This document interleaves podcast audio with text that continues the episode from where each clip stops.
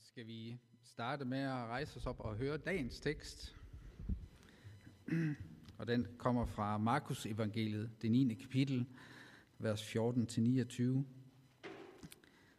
Der står, Da de kom ned fra bjerget, så de, at der stod en stor flok mennesker omkring de øvrige ni disciple, som var, som var ved at diskutere med nogle jødiske skriftlærere. Og da folkeskaren så Jesus, blev de grebet af ærefrygt, løb ham i møde og hilste af bødet på ham. Så spurgte Jesus dem, hvad drejer diskussionen sig om? Mester, råbte en mand i skaren, jeg bragte min søn herind, for at du skulle helbrede ham. Han kan ikke tale, for han er besat af en ond ånd. Hver gang den tager magten over ham, slår den ham til jorden, og så bliver han helt stiv og ligger med froder om munden og skærer tænder. Jeg bad dine disciple om at jage dæmonen ud, men det kunne de ikke. Åh, I vantro mennesker, udbrød Jesus. Hvor længe skal jeg blive hos jer? Hvor længe skal jeg bære over med jer? Kom herhen med drengen. De førte drengen derhen, men aldrig så snart havde den onde ånd fået øje på Jesus, før den rev og sled i drengen. Den kastede ham om kul, så han lå og væltede rundt på jorden med froder om munden. Jesus vendte sig mod drengens far. Hvor længe har han haft det sådan? Fra han var ganske lille, lød svaret. Den har tit prøvet at tage livet af ham ved at vælte ham ind i flammer eller ned i vand. Åh, vær dog barmhjertig og hjælp os, hvis du kan. Hvis jeg kan, sagde Jesus, for den, som tror, er alting muligt. Jeg tror, råbte faderen, hjælp mig til ikke at være vantro. Nu så Jesus, at en masse mennesker kom løbende fra alle sider, så han skyndte sig at tale strengt til den onde ånd. Du døve, stumme ånd, jeg befaler dig at komme ud af drengen og aldrig mere vende tilbage til ham.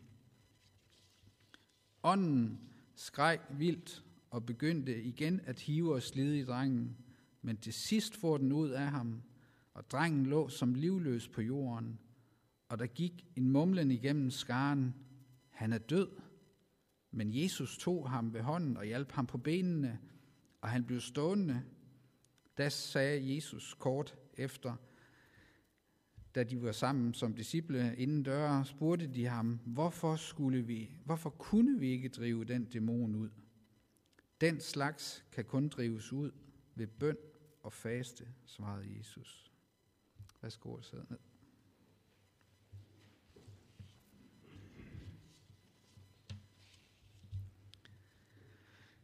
Det er en barsk omgang, tænker jeg, at komme ned fra bjerget og så skulle igennem sådan en omgang.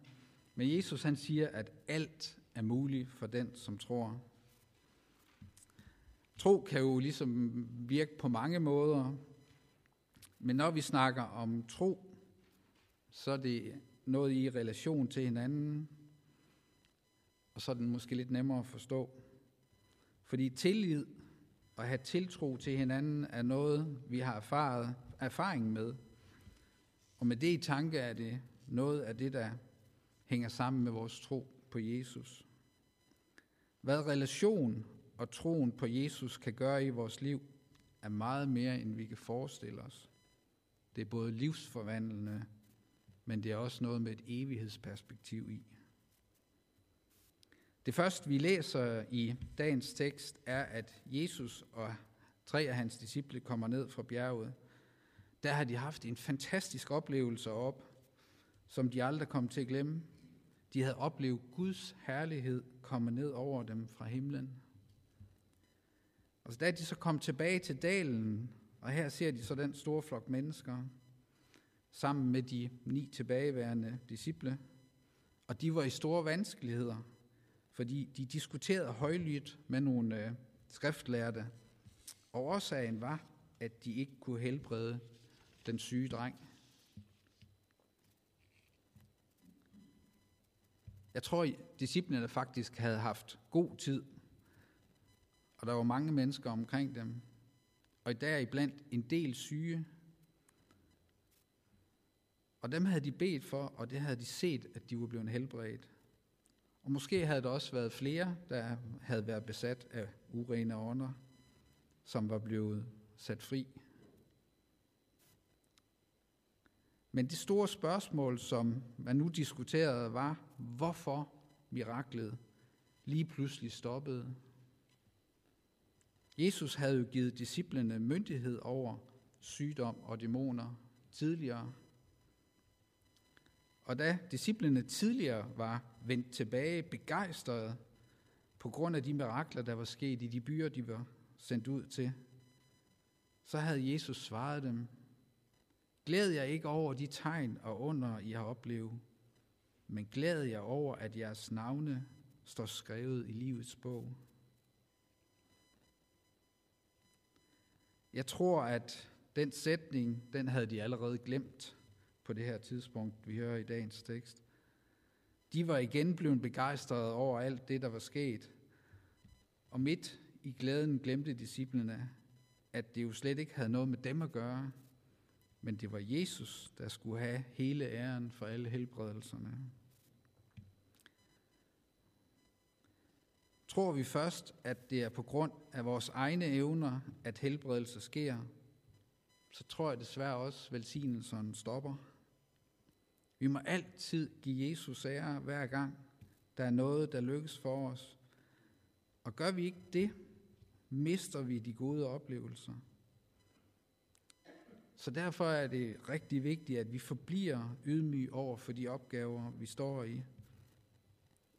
Og så vil det faktisk lykkes os at hjælpe mennesker og sætte dem fri i Jesu navn.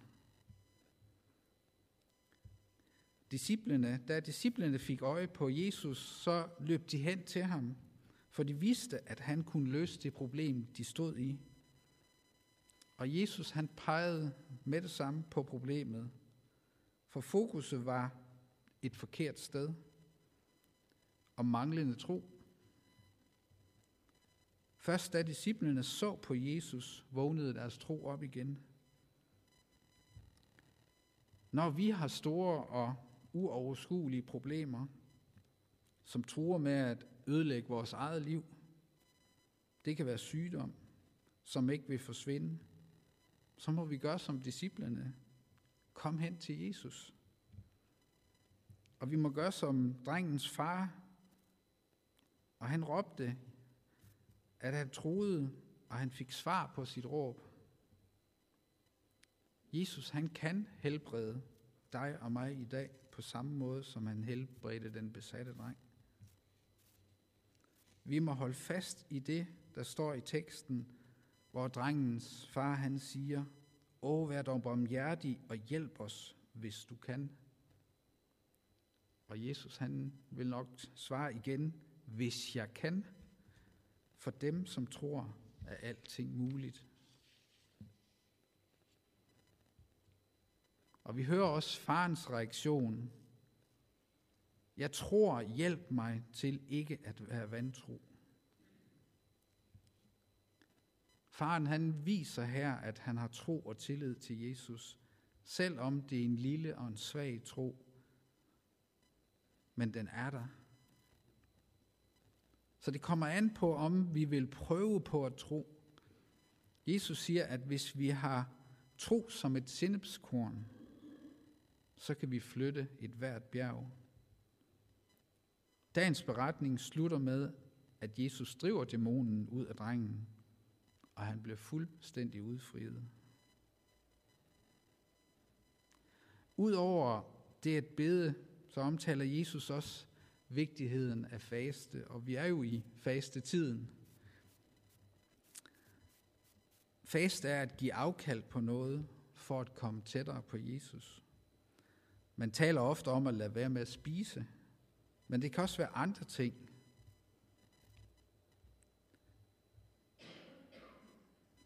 Egentlig så snyder vi os selv og vores himmelske far med alle de tidsrøvere, vi omgiver os med. Det kan være tid ved fjernsynet, ved computeren, ved telefonen. Det kan være en masse sport eller en masse film og andre ting. Og alt det her, det er faktisk gode ting, men det skal bare ikke tage så meget tid, at vi ikke har tid til at søge Herren. Fordi her kan der faktisk være brug for, at vi skærer ned, at vi faster for nogle ting, for at være mere sammen med Jesus i bøn. Og jeg tror, vi får en positiv overraskelse. Ja, nogle de får lige frem en op på bjerget oplevelse, hvor man får et helt nyt og større perspektiv på sit liv. Derfor er det vigtigt, at i sådan et fællesskab, som vi er i her, at vi opmuntrer hinanden og prøver at, at give noget mere af vores dyrebare tid til den allervigtigste relation i vores liv. Den treenige Gud, Faderen, Sønnen og Helligånden.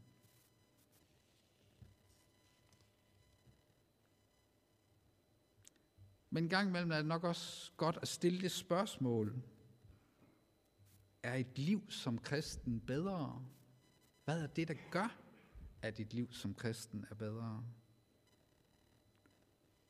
Og det er ikke nødvendigvis bedre. Nu kan man tro på alt muligt, så begrebet tro er ikke forbeholdt den kristne tro. At tro på noget i tilværelsen, der ligger ud over os selv og det liv, vi lever, det kan sammenlignes med rødderne på et træ.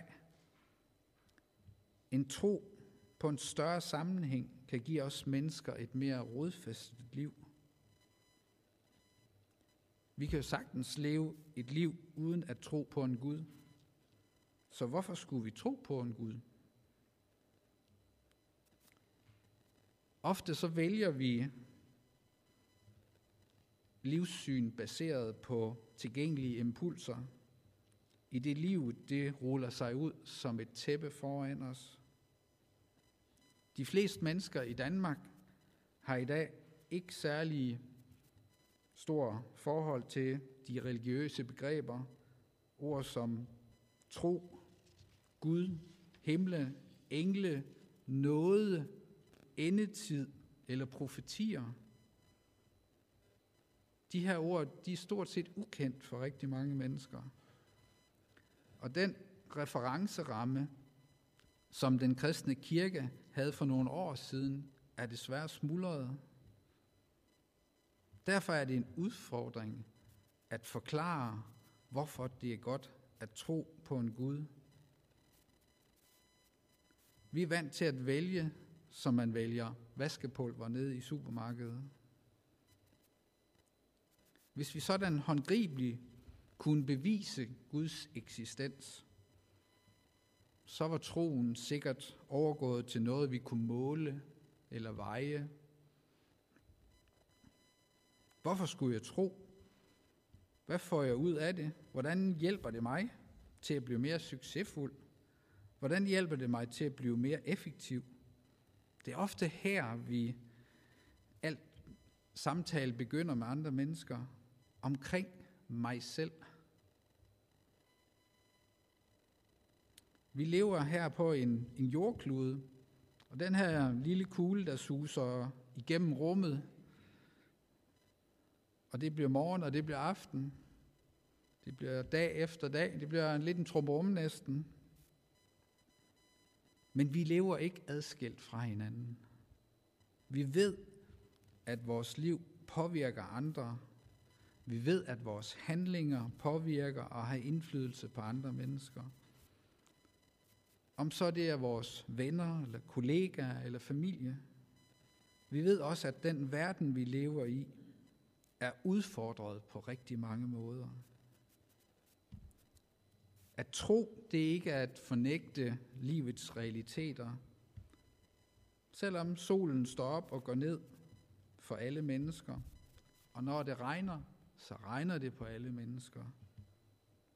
At leve et liv med en tro på Gud, som vi læser om i Bibelen, er et liv, der gør os mere realistiske, og ikke som nogen nogle gange hævder et liv, et, en flugt fra livet. Vi oplever alle ting i livet, vi kan have til fælles. Vi oplever glæde, øjeblikke af stor lykke. Livet synes helt fantastisk, når vi oplever et lille barn bliver født. Vi erfarer også sygdommens ødelæggende effekt eller dødens dybe afgrund. Nogle oplever stor rigdom, og livet bærer til synlædende stor frugt. Så er der andre, der konstant lever på grænsen af overlevelse, og nogle gange væsentligt under. Sult og hungersnød, overflod og velfærd, og alt det midt imellem.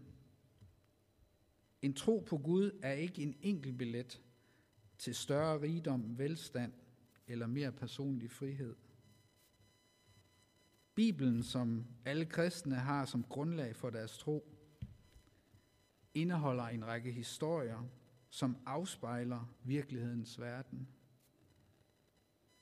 Sorg over døden, smerte over tabet, følelsen af både den større glæde og den større tragedie. De bibelske forfattere, dem der kiggede ind i deres samtid, sagde, at det kan ikke fortsætte sådan her. Og så begyndte de at kigge fremad med det håb, som de havde oplevet.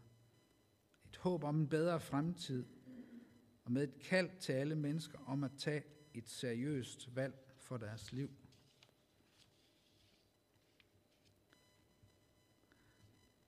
Et liv som kristen er ikke nødvendigvis et bedre liv, hvis vi kan måle det i kvadratmeter for eksempel – i størrelsen på bankbogen eller i popularitet, men til gengæld et liv, der er fyldt med større bevidsthed om den verden, vi lever i.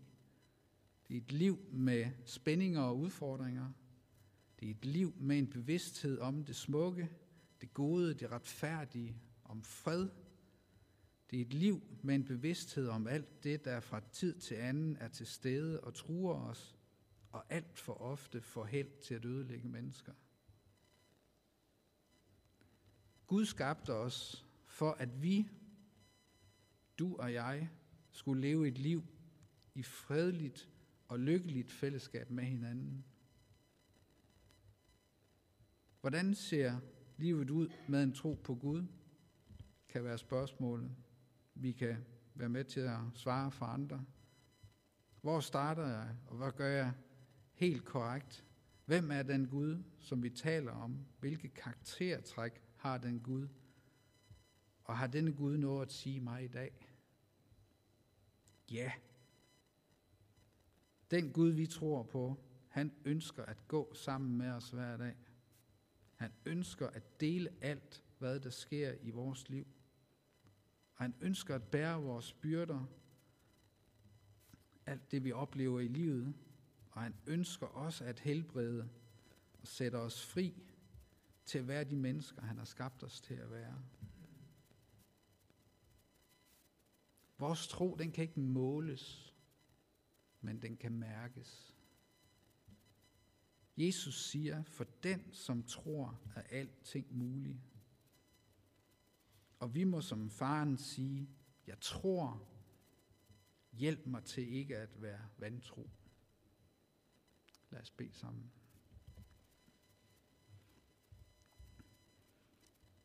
Kære Jesus, tak, at du bare ønsker fællesskab med os hver eneste dag. Tak, at du ønsker at gå foran og gå med os i alle de opgaver og udfordringer, vi møder hver dag.